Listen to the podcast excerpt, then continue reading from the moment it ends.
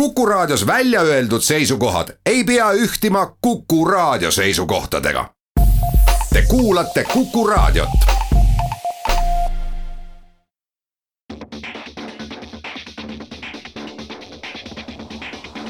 autotund. see on saade sulle, kui sul pole päris ükskõik, millise autoga sa sõidad. tere kuulajad, Autotund taas eetris. Stuudios Martin Mets, Tarmo Tähepõld Autogeeniuse portaalist. millest täna räägime? räägime GPS-seadmest, millel GPS ei tööta. siis räägime uuest Cupra Leonist Volkswageni kiiretest autodest ja ühest kiirest äh, Peugeot'st viis null kaheksa. ja siis seda oled äh, sina kirjutanud siia, et see on kiire, et pärast Ok. saame teada, mis ja tähendab. äh, üks mitte nii väga kiire Dacia. Ja siis Honda E elektriauto, nüüd on ka Eesti hind teada ja ma saan aru, et kas ma saan minna nüüd seda ostma või? jah, aga, aga kas ma peaksin? sellest me räägime ja seda, kas peaks ostma Porsche Taycani elektriautot, sellest räägime ka, sest me käisime sellega sõitmas. nii, aga meie iganädalane, mis siis juhtus? minul juhtus äh, selline soovitus teile. Vaatasin Netflixist ära siis lõpuks äh, sellise saate äh, kümneosalise nagu Hyperdrive, oled sa kuulnud? ei ole, räägi, mis see üldse on, ma ei tea mitte midagi. kas sa sellist saadet tead nagu Ninja sõdalane, mis on telekas äh, tavaliselt mingi pühapäeval selline päevasel ajal? Äh, see on see, kus mingid äh, Jaapani härrasmehed läbivad erinevaid äh, selliseid treeningradasid ja proovivad jah, sihuke raske võistlus aja peale ja seal isegi mitte ainult härrasmehed, ka, ka daamid ja preilid. nii, aga ja kuidas need asjad nüüd seotuvad? Hyperdrive on siis Ninja Warrior, aga autodega, Ameerika formaat. see ehitati ühte tööstuslinnakusse, tõeliselt keerulised rajad loomulikult aeti väga kirju seltskond kokku ülemaailmselt, mitte, mitte ainult Ameerika põhiselt. ja siis tehti sellest korralik selline noh, show saade. muidugi, kui noh, see natukene võib-olla sellisele rahulikule eestlasele, seal neli saatejuhti, kes siis kogu aeg kommenteerivad ja noh, noh nagu kõik on kogu aeg nii awesome, nii, nii noh, nad on nii ülevoolavad aga tegelikult on seal päris rasked rajad, hästi palju oleneb seal, kui hästi sa driftida oskad, kui täpselt ja, ja lõppkokkuvõttes oli see, ma vaatasin selle kümme osa ikkagi noh, peaaegu järjest ära, sest äh, kuigi ta vahe noh, natukene võib minna selliseks korduvaks seal mõned harjutused, siis, siis nad ikkagi see, et sul tekivad omad sümpaatiad ja tahad teada, kes lõpuks võidab. nii et äh, keda huvitab selline driftimine, osavussõit, kiirus siis Netflixis Hyperdrive. no üks küsimus selle kohta on, mis kõigi nende selliste tõsielusarjade ja selliste võistlustega on, et kui palju see on selline lavastuslik äh, hullus ja palju on selline, et oh, see on tegelikult ka selline äge võistlus, kus tundub, et see on noh, aus võistlus ja siin ei otsita seda draamat, vaid tahetakse just seda lihtsalt ägedaid autosid ägedates olukordades. ja et sa küsisid, sellepärast et äh, ma kuulasin äh, enne, kui ma seda hakkasin vaatama ühest podcast'ist just üks osalejatest, kes jõudis ka finaali, oli külas seal ja ta rääkis, et noh, loomulikult seal on natukene niisugust äh, filmikunsti, aga äh, mitte nagu sõiduharjutuste osas. et seal oli päriselt oligi nii, et äh, need võtted toimusid kõik öösel ja esimest korda sa läksidki peale niimoodi, et sul oligi võistlusaeg ja paljusid harjutusi ei näidatud ette, ei saanud ka vaadata siis sellel ajal, kui teine teeb, et see osa oligi ikkagi päris. Aga see, ühesõnaga see omavaheline draama seal, kes on tegelikult vihavaenlased seal sõitjad, see on välja mõeldud ja kusjuures suhete, inimsuheteni seal ei mindud, see oli hea, see oli ikkagi, see oli ikka, jaa see oli puhas sõit ja, ja noh, näidati inimeste taustalugusid, aga huvitav oli see, et äh, üks selle saate produtsentidest, kes oli päris äh, noh, olnud selle juures niisugune aktiivselt tegev, on äh, näitlejanna Charlize Theron, mm. kes on ilmselt siis salajane autohuviline. nii, aga sinu nädal? Äh, minu nädal ei olnud üldse nii huvitav äh, võib-olla mm, nagu sinul oli, aga mida ma olen nagu äh, üks päev tagasi kõndisin rahulikult toimetusse tööle üle, üle, ülekäiguraja. panite tähele, panite tähele, kõndis, mitte ei olin jala sõitnud. ja, ja ma nägin kaugelt, et üks auto tuleb, aga ma nägin, et ilusti ma jõuan ja et küllap ta peatub. See auto ei peatunud, ta peatus pärast seda, ta nägi mind sel hetkel ülekäigurajal, kui mina olin täpselt juba sealt auto eest läbi läinud, siis auto pani plokki ja härrasmees Kuller, kes oli roolis, oli samal ajal telefonis, vaatas ilmselt, kuhu tuleb järgmine pakk viia. nii et selles mõttes väga selline, korraks ikka võttis adreka ülesse see olukord, et äh, see ikka pani natuke jälle mõtlema selle peale, et kui palju me oleme reaalselt telefonides, kui on suur kolmerealine tee mis meil siinsamas kõrvalt läheb mööda ja inimene paneb absoluutselt tähele, tunneb ennast niiviisi niivõrd kindlalt ja turvaliselt sel ajal, et vaatabki, et noh, ongi teel ühtegi teist autot polnud, et tee on tühi, noh, ma siis vaatan see, et mis mul on vaja veel siin teha või kes see kirjutas või mis toimub ja ja noh, eks ma oleks saanud eest ära hüpata muidugi ja ma hüppasingi kokkuvõttes ära, onju, aga, aga see härrasmees ei pannud ikka üldse tähele, mis ümberringi toimub ja veider oli see, et noh, paar päeva enne seda just olin, nägin ise sama olukorda peal, kus äh, mina peatusin, siis olin autoroolis, peatusin enne ülekäigurada, teiselt poolt tuli, inimene läks üle, teiselt poolt tuli auto ja pidurdas samamoodi pärast ülekäigurada. ta pani tähele, et inimene läks üle, onju, see inimene lihtsalt jäi seisma pärast mind, ta nägi ise, et lennuga tuleb ja see, tema ei pannud ka midagi tähele, kas ta oli telefonis või tegi midagi muud. et ka, kaks sellist juhtumit väga lühikese aja jooksul, üks iseendaga, et see paneb ikka niiviisi mõtlema, et äkki see olukord on võib võib-olla ikkagi natuke halb. jah, see on siis meeldetuletus kõigile, et autojuhid, kui sa liigud, kui mitu rida läheb ühes suunas ja su kõrval hakkab teine juht pidurdama, siis äkki on sellel mingi põhjus, tõenäoliselt on ülekäigurajalt keegi üle minemas, pidurda ka ja jalakäijad, see on see, et ükskõik kui palju teil on õigus ja teil ongi lõpuks õigus sealt üle minna nii, aga olge valmis selleks, et kui üks auto seisab, siis selle tagant võib tulla teine ja, ja rääkige oma oled, lastele. ja muidu oled selle õigusega, oled lihtsalt äh, jalaluumurdudega haiglas ja, ja siis sellest õigusest ei ole väga palju kasu Just. tegelikult. et ükskõik, kas see juht on telefonis või ta ei ole, võib-olla ta lihtsalt ei, võib-olla tema ei näe, et seal on ülekäigurada, noh, sada põhjust. aga see ongi see, et noh, millal tekib see turvaline hetk nagu telefoni vaadata, vaatad, et ahah, noh, tee on tühi, midagi ei toimu, et see hetk, et ma nüüd korra vaatan siin kolm sekundit, on ju, täpselt see hetk, et tegelikult sel ajal võib, võivad ka asjad juhtuda. nii, äh, GPS-seade, mis ei olegi GPS, äh, räägime siis äh, elektriautode toetusest, mis siin väga populaarne oli ja seal oli üks tingimus, et see auto peab sõitma kaheksakümmend tuhat kilomeetrit nelja aasta jooksul ja sellest kaheksakümmend protsenti peab olema Eestis. ja siis tekkis küsimus, kuidas seda jälgitakse, kas sa tead äh...? õigemini sina seda tookord uurisid ka uurisin, ma arvan, et äh, GPS-iga on hea mõistlik jälgida, inimestele see kindlasti ei meeldi, aga ma mäletan, et GPS lubati nendele masinatele peale panna, mis tekitas paraja seaksa. Äh, see on nüüd äh, vabatahtlik, sa võid ka tõestada mingite sõidupäevikute ja asjadega, mis on ilmselt päris tüütu, sa pead ju siga sõidu kirja panema, isegi kui sa noh, seda kavatsed pärast natukene noh, läbisõitu sa ei saa võltsida selles mõttes. Mm.. aga et noh, käisin Lätis, ei käinud Lätis, okei okay., aga saad panna ka GPS-seadme minu teada pannakse see tasuta, selle maksab kinni siis äkki Keskkonnainvesteeringute Keskus, aga et inimestel ei oleks muret sellega, et nende iga liikumist jälgitakse, siis sellel seadmel tegelikult GPS kui selline ei, on välja lülitatud. et ta mõõdab läbisõitu, et see oleks ikkagi ausalt, see kaheksakümmend tuleks täis, et sa ei saaks seda kuskil kerida maha ja teine, ta kuidagi läbi operaatori äh, võtab mis riigis sa oled, et kas see operaatori võrk vahetus või mitte? jah, see on selles mõttes lihtne, et äh, võib-olla kui sa käid kuskil Läti piiri ääres, ta võtab ka võib-olla Läti võrgu, aga üldiselt see on niiviisi jah, et kui sa oled Eestis, siis on Eesti mobiilivõrk ja oled väli, välismaal, siis on, oled roaming us ning selle järgi on selles mõttes hea lihtne võtta, on ju, kus sa asud. jah, et jah, et võib-olla see teatud ebamugavustunne säilib, et sul on see mingi asi autos, mis tegelikult äkki ikkagi lülitab ennast sisse ja ikkagi vaatab, kus ma sõidan. aga samas noh, kui sul ei ole midagi kurja plaanis, siis on, on ühesõnaga on öeldud, et eh, ei, ta ei jälita seda, mm. mis maja ees su auto pargib. tuleta nüüd mulle meelde, et kui suur oli see auto ostutoetus?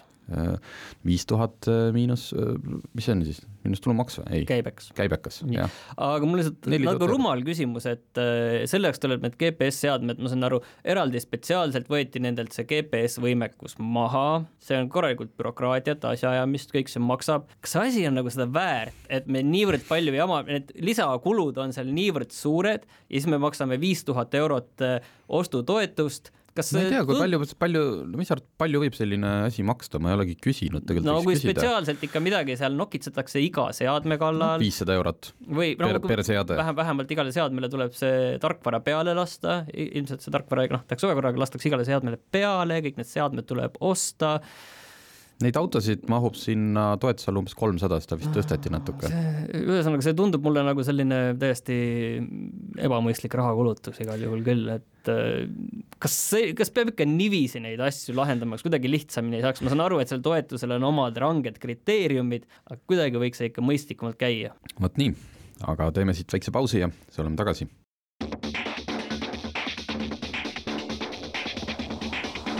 autotund. See on saade sulle, kui sul pole päris ükskõik, millise autoga sa sõidad. autotund taas jälle eetris ja räägime siis äh, kiiretest autodest, millel ei ole peal GPS-seadmeid, mis sind jälgiks, vist. Äh, nüüd äh, seoses sellega, et on tulemas uus Golf kaheksa ja siis selle ju sõsarmudel, see ühesõnaga Seat Leon tutvustati ka aga on tulemas ju mõlemast ka kiired versioonid, Golf GTI, aga äh, Seat Leoni kiire versioon on nüüd liikunud, asjatundjad teavad, Cupra brändi alla. ehk see on siis sõsarbrändi sõsarbränd põhimõtteliselt, kui me Golfi juurest hakkame pihta. just, et kui seni oli hirm, et Cupra teebki nüüd ainult siin äh, linnamaastureid, Cupra Ateca on juba väljas, tuleb Formentor siis äh, vahele susati ikkagi üks äh, kuum luukpära. Äh, tuleb kohe kahes variandis, ehk siis universaal ja luukpära ja lisaks sellele on ka mootorivalikut seal palju. loomulikult tavaline kaheliitrine, mis on natukene nõrgem, kakssada nelikümmend viis hobujõudu, sarnane nagu Golf GTI, see on selline mõistliku inimese kähkusõiduauto. siis on olemas ka muidugi kolmesaja hobujõuline, nagu praegult ja tuleb ka pistikhübriid. selle andmeid ei ole praegult veel täpselt välja öeldud, minu teada, mina ei näinud, aga ja siis on veel üks kolmesaja kümne hobujõuline nelikveol, ühesõnaga jälle, läksin siin numbreid ja, ja, ja nimesid lugema, aga aga positiivne selle asja juures ongi see Cupra brändi äh, need kiired autod, esiteks nad näevad väga head välja, minule meeldib see, nad kasutavad niisugust pronksi värvi detaile äh,, antratsiithallid autod. aga nad on odavamad kui need äh, Volkswagenid ka? just, see on äh, nende juures veel eriti mõnus, et nüüd see, noh, Seat katsetab selle Cupra brändiga, vaatame, kuhu sellega jõutakse. nii saan..., aga kui sa räägid sellest katsetamisest, siis mul on see küsimus, et kas ma nüüd saan neid ähm, Eestist osta ka juba neid äh, linnamaastureid, mis väljas on või ei saa osta? saab, saab. ei, Cupra... praegu, kui ma lähen nagu siia, vaatangi Seat.ee lehele, siis ma näen, et ahah, siin on need Seati mudelid, siis, siis on eraldi Cupra veebileht, siis ma lähen Cupra veebilehele, siis mul on cupraofficial.ee ja siis on siin müügil Ateca, tähendab üks Ateca praegu on, ongi, ma saan aru. just. ühesõnaga, tulevad Eestisse ka? on, täiesti Selge. olemas ja soovitame, kuigi pole veel sõitnud no,. väga julge, väga julge. nii, aga veel kiireid, Volkswagen, kui siin veel paar nädalat tagasi oli õhus, et nende see ilus kupee sedaan, neljaukseline Arteon, millest muuseas tuleb ka shooting brake ehk siis niisugune sportlikum universaalkere, mis on üldse kõige ilusam kereversioon, mis autodel on, see on minu arust. et see uus Arteon tuleb ka VR6 mootoriga. Volkswageni fännid teavad, aga sisuliselt on selline lihtsalt kuuesilindriline võimas neljasaja hobujõuline versioon, siis nüüd, ühesõnaga see oli kõlakas, see, see ei olnud kindlasti Volkswageni ametlik jutt aga nüüd on teada, et Arteoni kõige kiirem versioon tuleb ikkagi äh, kahjuks äh, kaheliitrine turbo, nagu ta praegult on. no selline üle, üle kolmesaja hobujõu, kolmsada nelikümmend viis vist oli. ei, mul on väga hea meel, et on ju, et see Arteoni tüüpi autod on üldse olemas.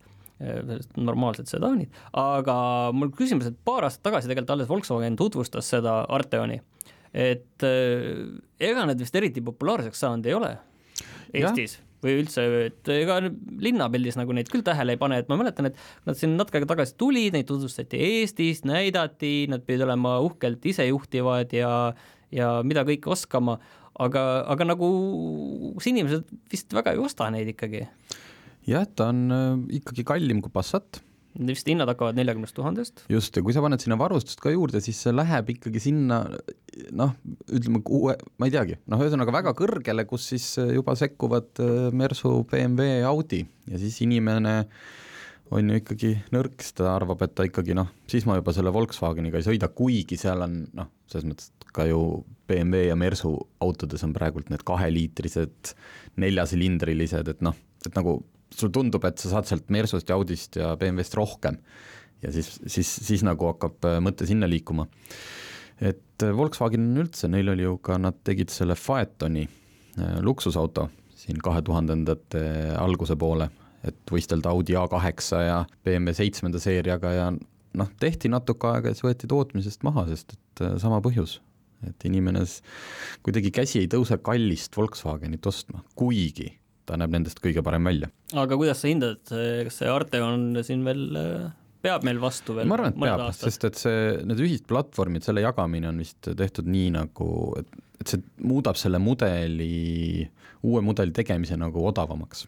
Ja siit jõuamegi edasi Tuareg, ka Tuaregi R-versioon avalikustati, ehk siis äh, kõige, ilmselt see R ei ole ralli, aga nimetagem siis Tuaregi ralli versiooniks, äh, tuleb ja muuseas tuleb, kui peenelt öelda, Porsche mootoriga. no tegelikult on see jällegi siis Volkswageni grupp ju kuulub ka Porsche ja selle kahe koma üheksa liitrine V6, mis on ka Cayenne'is ja Panameras ja selle puhul ütles Volkswagen just äh, välja ka, et äh, nad ei eeldagi, et Touareg R saab mingiks väga suureks müügihitiks, äh, nelisada kuuskümmend hobujõudu, viie sekundiga sajani, tehakse pistikhübriidina ja kasutatakse seda Porsche mootorit just sellepärast, et, et saada odavamalt.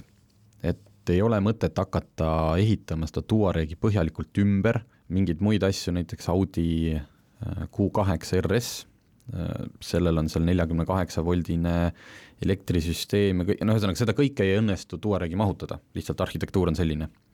aga Porsche kaks koma üheksa V6 ei ole ka üldse halb mootor ja kui sinna läheb veel sada kolmkümmend hobujõudu tuleb äh, elektrimootorist, noh, elektrimootoriga nagu ikka, äh, umbes viiskümmend kilomeetrit saab sõita ka puhtalt elektri peal ja ilmselt on seal ikkagi natukene tegu ka selle vana hea CO2-ga. Et see pistikhübriidi pabe-, paberi CO2 on lihtsalt nii magusalt väike autofirmade jaoks et kui sa tahad midagi vähegi sportlikku teha, siis on sul mõistlik teha seda pistikhübriidina, et mitte niigi oma lõhki ja sa minevat. ei mõtle üldse selle peale, et inimesed tegelikult peaksid hakkama seda pistikhübriidi pistikhübriidina kasutama. just, sa peaksid seda iga õhtu ikkagi kodus laadima panema ja, ja kõik mõtlevad, et see elektrimootor on sul seal selleks, et Äh, ainult jõudu ja võimsust anda. Äh, Touare erinevalt siis äh, Arteonist on tegelikult ju Eestis vaata ta on ikkagi enam-vähem populaarne, et kuigi selle hinnad muidugi selline suur linnamaastur hinnad hakkavad ikkagi viiekümnest tuhandest, aga ta on võib-olla siis teistpidi selline vaese mehe Cayenne, julgen nii öelda või? jah, jah, eriti nüüd, kui sinna ka Porsche mootor sisse panna. ma mõtlengi, et peaaegu nagu ju, et no aga nii ongi, jah, ja, ja ühesõnaga, Volkswagenil on neid R-mudeleid tulemas praegu palju, siin on äh, märgatud Tiguan R-i ja, ja meil peaks tulema proovisõit äh, T-Rock R-iga siin aprillis, et RRR, Volkswagen ja kiire. teeme siia ühe pausi ja siis jätkame.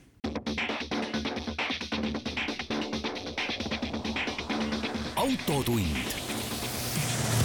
see on saade sulle, kui sul pole päris ükskõik, millise autoga sa sõidad nii, ja veel kiireid autosid, teeme siis täna sellise kiire saate. Peugeot viissada kaheksa, Sport Engineered. nii, mille poolest on siis parem kui tavaline viissada kaheksa, miks ma peaksin selle ostma? sellepärast, et kas seal on elekter ja siis teeb ta sul umbes kolmsada viiskümmend hobujõudu mis tähendab seda, noh, see ikkagi Peugeot ei ole ammu nii võimsat autot teinud, kas üldse kunagi, seeria tootena. see peaks olema neli koma kolm sekundit äh, sajani, mis tähendab, et ja klassikaline, nagu ma juba Tuaregi puhul ütlesin, umbes viiskümmend kilomeetrit puhta elektri peal. aga see alles kuulutati, ma saan aru, välja, et millal see müügile jõuab? ei, ta tegelikult seda näidati esimest korda juba eelmise aasta Genfi autonäitusel, aga nüüd tootmis, seal oli ta veel kontseptina ja tootmisküpset autot äh, ei näe selle aasta Genfi autonäitusel, sest Peugeot lihtsalt ei osale seal aga peaks kohe-kohe, ütleme siis, olema tootmisküps ja millal ta Eestisse jõuab, seda ma ei tea. aga jällegi, et see elektrilahenduste aina popula-, ühesõnaga populaarsemaks muutumine tähendabki seda, et ühtepidi autofirmad saavad paberil oma CO2 väiksemaks aga teistpidi ta võimaldab äh, lihtsamini teha selliseid äh, kiireid autosid. lihtsalt äh, kui sa enam-vähem oskad selle elektriga midagi teha, sul see autos kuskil on paigutada need elektrimootorid, siis, siis on lihtne, et kahesaja hobujõulisele ma ei tea, bensiinimootorile paned seal elektri juurde ja ongi kolmsada viiskümmend Äh, vaatan praegu selle viiesaja kaheksa pilte, et äh, tegelikult see ikka näeb äh, väga äge selline sedaan välja, et minu meelest päris värskendav on näha Peugeot kõigi nende linnamaasturite kõrval või siis selle kahesaja kaheksa kõrval ka selliseid tavalist ägedat autot. Tavalist sedaani. tavalist normaalset autot. ma saan aru, et sulle need kupee sedaanid ikka meeldivad? absoluutselt. Arteon, Peugeot viissada kaheksa on ka ju sellise langeva katusejoonega. nii et kellel on siin ütleme, isu kiire auto järele, siis tasuks natukene oodata. nii, aga kaua me selle Dacia elektriautoga peame ootama, et ma saan aru, et nad alles kuulutasid selle välja? siin on plaan teha jah, ka Dacial oma elektriauto, mis on ju iseenesest täiesti loogiline. see baseeruks ühe Hiinas müüdaval Renault KZE, seda Euroopas ei ole, ja see oleks nüüd, see Dacia oleks tõeliselt selline noh, Daciale omaselt soodne, väike, lihtne, näiteks Renault oot-oot-oot, ma kohe pean su kinni, et äh, sa ütled elektriauto kohta soodne, mis see siis tähendab? ei no, Dacia tähendab äh, no muidu tähendab kümme tuhat umbes. Äh, jaa, no elektriarvestuses ta olekski soodne. kakskümmend tuhat? ei, kes kakskümmend, kahekümne tuhandest tahad sa juba Volkswageni?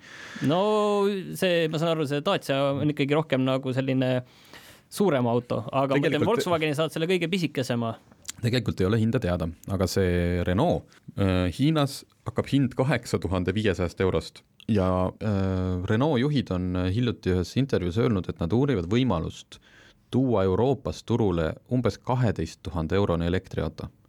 ja ma eeldan, et nad pidasid silmas ikkagi sellist noh, normaalset autot, mitte nagu see Renault Twizy oli, see äge niisugune ma ei saanud. no sellise pisike ja, kolme, kolmeukseline. ei, ei kaheukseline. mis võtab pool parkimiskohta ja.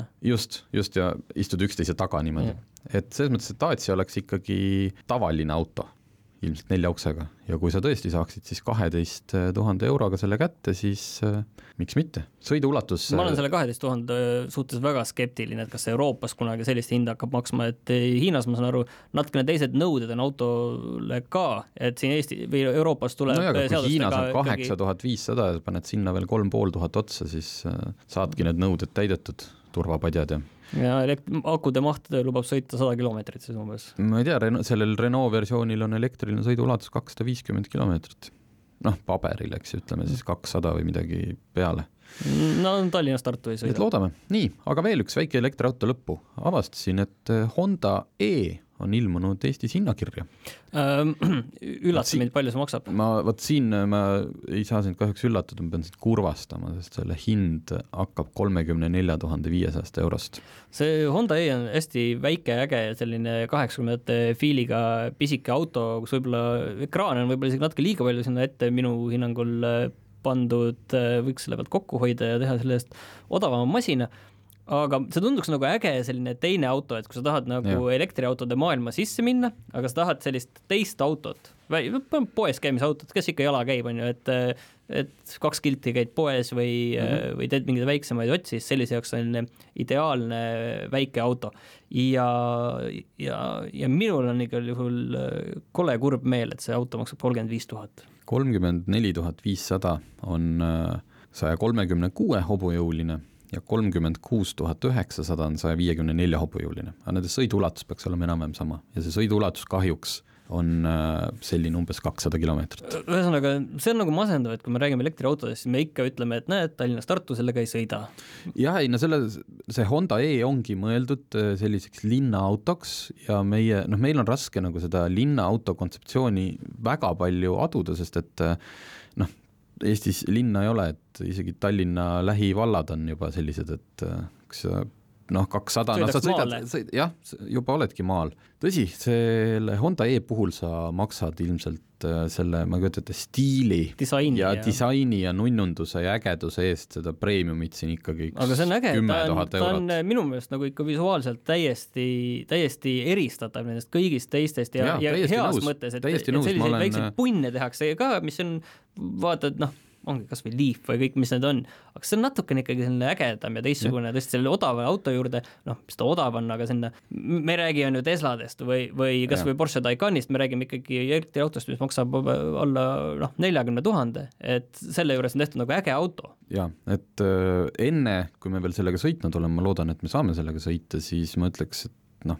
kõige ägedam elektriauto, mis praegult on just selle ägeduse poolest. aga selles mõttes äh, mis minule selle elektriautode tulekuga torkab silma, on see, et eh, mida ma ise ka olen mõelnud, on see, et, eh, et elektriautod ilmselt toovad ikkagi autosid juurde, sest esialgu inimesed võtavad selle endal teiseks autoks, et okei okay,, mul on see normaalne sisepõlemismootoriga tavaline ja turvaline auto, millega ma olen harjunud sõitma, on siin olemas, aga okei okay,, mul nagu raha lubab, et eh, ostan teiseks autoks selle mõtlen siis peas läbi, et ahah, võib-olla tuleb suht säästlik, selle säästlikuma väikse elektriauto et võib-olla ma teist seda bensiinimootoriga suurt autot või diisliga autot ei ostaks, aga ma võtan selle elektriauto, et äkki tuleb nagu kokkuvõttes odavam ja mõistlikum, kuigi praegu räägitakse seda, et noh, et elektriauto tuleb sulle kokkuvõttes kasumlik siis, kui sa sõidad ikkagi äh, aastas sellega mitukümmend tuhat kilomeetrit, ma ei tea, kas see tasuvuspiir oli seal isegi üle kahekümne viie tuhande kilomeetri, kui ma ei eksi. jah, ei elektriauto praegult äh, sa pead sellega noh, see on selline juurutamise faas praegult,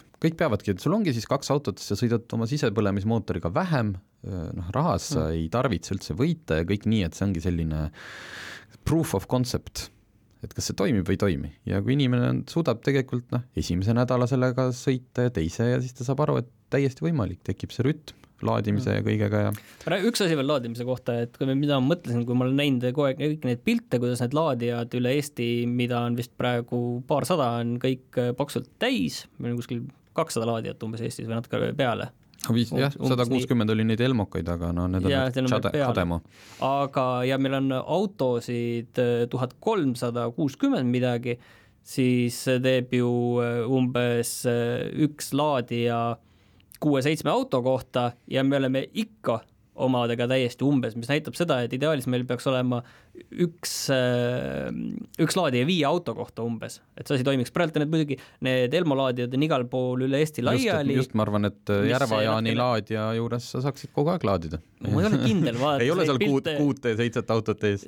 see, ta, see auto on ees siis, kui mina tahan laadida ah,. No, see on vana, sina, see on vana hea Murphy. aga ma just mõtlen seda, et tegelikult see laadijate hulk peaks ikkagi väga-väga plahvatuslikult kasvama ja kõik need asjad, mis meil siin selle aasta jooksul on räägitud, et kes teeb veel siin hulga laadijaid juurde, mul on tunne, et sellest on ikkagi ikkagi väga vähe veel, et see ei asi ole. nagu oleks äh, elektriautot peab laadima kodus. see, see on sul esimene asi elektriautot ostes. sa ei saa seda osta arvestusega, et sa hakkad seda kasutama avalikes laadijates, avalik laadija on nagu viimase hetke lahendus või sõidupikendi, et kui sa nagu ei ole kodu, noh, sõidadki Tallinnast Tartusse, seal laed, sõidad edasi Võrru. vot nii, aga teeme ühe pausi ja siis räägime veel ühest kõige kiiremast autost.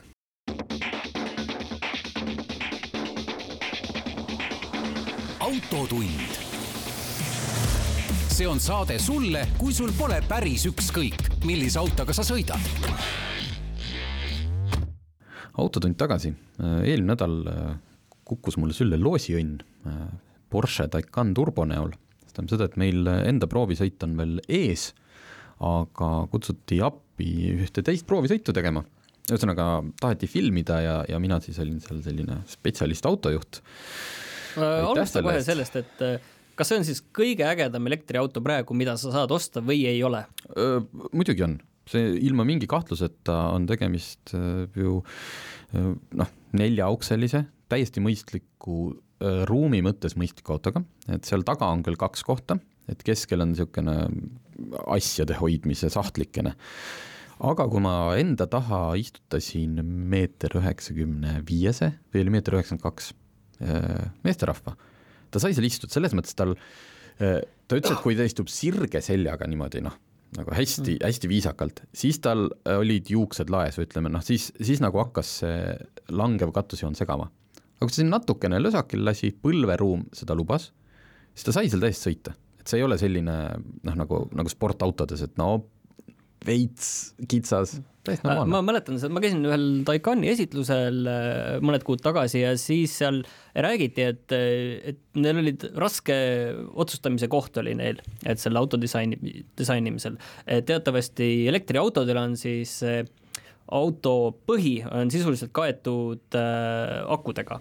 Ja Taycani nad oleks võinud neid akusid sisse laduda veel, aga nad sinna esiistme taha jätsid meelega ühe augu, kuhu põhimõtteliselt käivad siis äh, tagareas istujate jalad. Et nad oleks võinud selle ka täis panna, aga selle jaoks, et see meeter üheksakümmend inimene sinna taha normaalselt ära mahuks, nad ohverdasid natuke seda läbisõitu mugavuse ja sellised, see oleks nagu päris auto, selle mõistlikkuse kasuks nad ohverdasid seda. no vot, et Taycan võiks olla selline auto, et kuna ta, äh, see oli turbo, see on see keskmine mudel, mille hind hakkab saja viiekümne kahest tuhandest vist, see, millega mina sõitsin äh, koos varustusega, oli kokku sada seitsekümmend seitse tuhat. Et Taycan võiks äkki olla see auto, mida sul on, eks ju, kodus üks, mis tähendab seda, et siis sul peab ikkagi sinna tõenäoliselt mahtuma inimesi sagedamini, kui lihtsalt see üks kord, kui on vaja kedagi kaasa võtta. Äh, kui kiire ta siis oli? jah, jah, oli küll, et sellega siin noh, raske olekski siin pikalt rääkida, et noh, need turbo kiirendab paberite järgi nullist sajani kolme koma kahe sekundiga kes automaailmas äh, natuke rohkem kursis on, siis on see superautode tase. et äh, kõige kiirem auto siiani mina olen sõitnud, oli Porsche Turbo üheksasada üksteist Turbo S Pärnu ringrajal ja meile demonstreeriti seal seda launch kontrolli. see, mis aitab sul kohalt võimalikult kiiresti startida, nii et sa ei pea ise seal äh, mingite sidurite ja asjadega mäss-, mässama, oli kaks koma kaheksa sekundit sajani. ja see turbo teeb noh, põhimõtteliselt sama asja lihtsalt äh, elektrimootoritega, jõhker. aga on siis, äh, selg on istme küljes kinni? Jah, on küll. Ja, ja sellest on ka ju kiirem versioon Turbo S, mida me loodame ka testida, mille kiirendus ametlik on kaks koma kaheksa, aga teada on, et Porsche räägib oma numbreid alati, kuidas öelda, selles mõttes kliendi kasuks suuremaks. Mis tähendab seda, et kui sa selle auto ostad, sul on seal lubatud kaks koma kaheksa näiteks nullist sajani, ja siis sa lähed ja hakkad sellega kuskil lennuväljal niimoodi proovima ja proovima, proovima, siis tõenäoliselt saad kätte kaks koma kuus. Minu arust ma nägin, keegi kuskil ka suutis kaks koma neli kätte saada. Väga hea, et sa ütlesid selle, selle sõnapaari, et kliendi kasuks, on ju, et see on, see on umbes sama, nagu alati valesti öeldakse seda, et see spidomeeter näitab äh, sinu kasuks, tegelikult ei näita sinu kasuks, näitab sinu vastu, kui ta näitab valesti. No siis see on hea tunne, sa saad, see on ju nagunii see kiirendusaeg on selline, kuidas ma ütlen, müügiargument ja siis, kui klient avastab, et sai veel parema tulemuse, ta on rõõmus, sest ta tunneb ennast hästi osavana ja ta auto on parem kui ta tegelikult äh, arvas. aga kui ma nüüd niisama sõidan äh, Viimsist äh, kesklinna piima ostma, et on siis sellisel juhul on ka sellest kiirendusest kuidagi reaalselt nagu kasu või saan seda nautida? nautida, kiirendust saab nautida siis, kui sa naudid kiirendamist. kui see, kui see sul ajab südame pahaks, milleni kohe jõuame, või, või sa ei saa aru, miks niisugust totrust peab tegema, siis igal juhul, noh tegelikult ongi kõige mõistlikum nendest Taycanidest on 4S see on see kõige nii-öelda soodsam, mis hakkab saja viiest tuhandest, mille kiirendus on ka neli sekundit sajani, et noh, sa saad kõik sealt äh, kätte lihtsalt palju odavamalt. aga igapäevaseks sõiduks äh, noh, nüüd, nüüd mul läheb raskeks, sellepärast et äh, ma, ma, ma, ma ootasin väga selle Taycaniga sõitu, ma arvasin, et see on nagu maailma muutev kogemus, sest kõik kiidavad seda, aga ma, mul on niisugune tunne, et selle maailma muutva kogemuse jaoks ma tahaksin selle autoga ikkagi sõita ringrajal. sest et äh, tavaliikluses üks elektriauto, isegi kui ma sealt foori tagant panen esimesena minema ja siis äh, kuskil Tallinn-Narva maanteel teen äh, ka järgmise foori taga saad esimesena pidurdada. just, seda nullist sajani kiirendust ja noh, okei okay,, teen selle ära, aga mitte midagi muud seal enam ei ole ma saan ühest nupust sisse lülitada mingi heli, ta selles mõttes ta ei ole päris selline, et noh, ta nüüd mängib mulle mingit võlts V8-t salongi, vaid tal äh, nagu välismeedias ühes podcastis nimetati Jetson, Jetsonite auto, oli kunagi üks multikas äh, mingist tuleviku perekonnast. Nende auto tegi täpselt sellist häält, nagu Taycan teeb. oota, aga räägime sellest helist, mis see heli nüüd on? Ei, see ongi, et sa saad selle sisse lülitada, siis noh, niisugune noh, ma, ma ei hakka siin mina saan aru, et see on äh, ikkagi see õige heli on seal kuidagi võimendatud niiviisi natukene. et et- selle elektrimootori heli on kuidagi võimendatud, et see elektrimootori eh, noh, ta muidu ei tee mingit erilist häält, aga lihtsalt kui seda võimendada, siis eh, ta- tal ikka mingi kiunumise võtab ülesse, et saaksid tunda, et tunde kätte, et see ikka läheb. Et äh, kui see nupp on välja lülitatud, siis on ta elektriautolikult paikne, noh, Porsche kvaliteet, eks ju, noh, ega seal tuule ja rehvimüra ka palju ei ole, et aga, aga siis mul, noh, siis mul hakkaski tekkima mure, et miks, mille eest ma siis maksin sealt seitsekümmend seitse tuhat, kui ma nagu ei noh, kui ma sõidan mingi Porsche üheksa üks üks turbo, noh, bensiinimootoriga, siis ma kuulen kogu aeg seal nagu mingit äh, mootori häält ja siis ma saan käike vahetada ja noh, rohkem nagu tundub, et saad oma, oma raha eest. ja siis ma sellega sõitsin ja mõtlesin kogu aeg, et ma tahaks nüüd midagi põnevat, midagi Et- teha või? midagi teha tahaks. vaatad neid ekraane, tal on äh, see, mis rooli taga, ühesõnaga näidikute plokk on selline nõgus, nagu need äh, moodsad telekad. kõik, kõik äh, igasugused vidinad ja lisad on tal olemas ja, ja ühesõnaga, ma nüüd ei tea, ma ei, ma ei, ma ei tea, mida sellest autost arvata. ma ei saa öelda, et tegemist on superautoga, igas mõttes. oma kiiruse, välimus oli väga äge, see mulle meeldis, see tõesti näeb kihvt välja. eriti niisugune valge, siis on tal need äh, spetsiaalsed äh, Taycanile mõeldud väljed, kakskümmend üks tolli, lisavarustus, kolm tuhat kakssada kuuskümmend eurot. aga jah, ma ei tea nüüd, on sul mõni küsimus selle auto kohta, ma, ma nii, nii arvasin, et kui ma nüüd tulen selle Taycani jutuga siia stuudiosse ja siis, siis noh, hakkan rääkima ja kõik on kadedad, et ma niisuguse autoga sõita sain, aga ma vist ei suuda seda kuidagi edasi anda.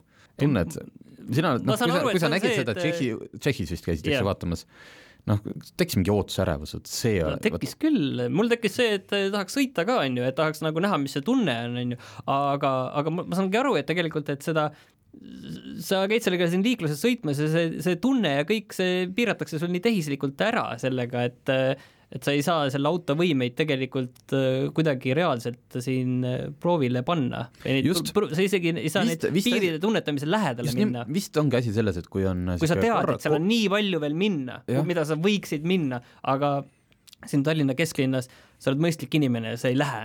just, ja ühe sisepõlemismootoriga autoga lihtsalt on võimalik äh, nagu legaalsetel kiirustel saada oma see emotsioon kätte kas või selle hääle ja selle isetegemise käigus. Aga kuna sa Taycaniga pole seal häält, seal ei ole neid vibratsioone, mürinaid, raginaid, praginaid ja kolkse, siis äh, sellisel äh, legaalsel tänava- ja maanteekiirusel nagu noh, ei teki seda, ei teki emotsiooni. võib-olla see emotsioon siis tekib vaata nendel inimestel, kes enam ei ole nende üheksa, üks, üks nendega pole käinud, on ju, kuskil niiviisi sõitmas, pole seda tunnetanud ja see on neil see esimene asi, millega nad lähevad ja nad teavad. ma räägin praegult jah, sellisest ikkagi autoinimese või autofänni vaatepunktist. taaka, sul on liiga palju taaka on sul nagu selja peal, et jah, ja noh, üks asi, mis jäi silma selle konkreetse prooviauto puhul on ikkagi see, et ähm, see on nüüd jälle hästi äh, subjektiivne, aga tumeda sisuga auto. no ta jättis mulle natukene liiga tavalise mulje, seesama, et äh, kindlasti Porsche on piisavalt konservatiivne, et ta ei saa teha selleks mingiks ulmeautoks, et mul on seal, ma ei kujuta ette, mingit äh, kosmosematerjali välimusega keredetailid, aga noh, sees oli veits igav oli olla ja eriti ukse, ukse juure, ukse on post normaalne auto, nagu tundub, et see mulle just nagu aga meeldib. hele sisu võiks vähemalt Meeldib, nagu no. et ma saaks oma raha eest, mulle tundub, et helet sisuga ma olen oma raha eest rohkem saanud. vot, aga kellel on äh, vähegi võimalik äh, seda Taycani proovida, siis igal juhul tehke see ära, selles mõttes see on aga on ju teada, kas Eestis on keegi ostnud ka selle? vähemalt äh, kaheksateist inimest on selle tellinud omale. märtsis hakkavad kätte saama, nii et hakkate neid Taycan'e alles nägema siin. vot, sellega siis tänaseks lõpetame ja kuulame juba järgmisel nädalal.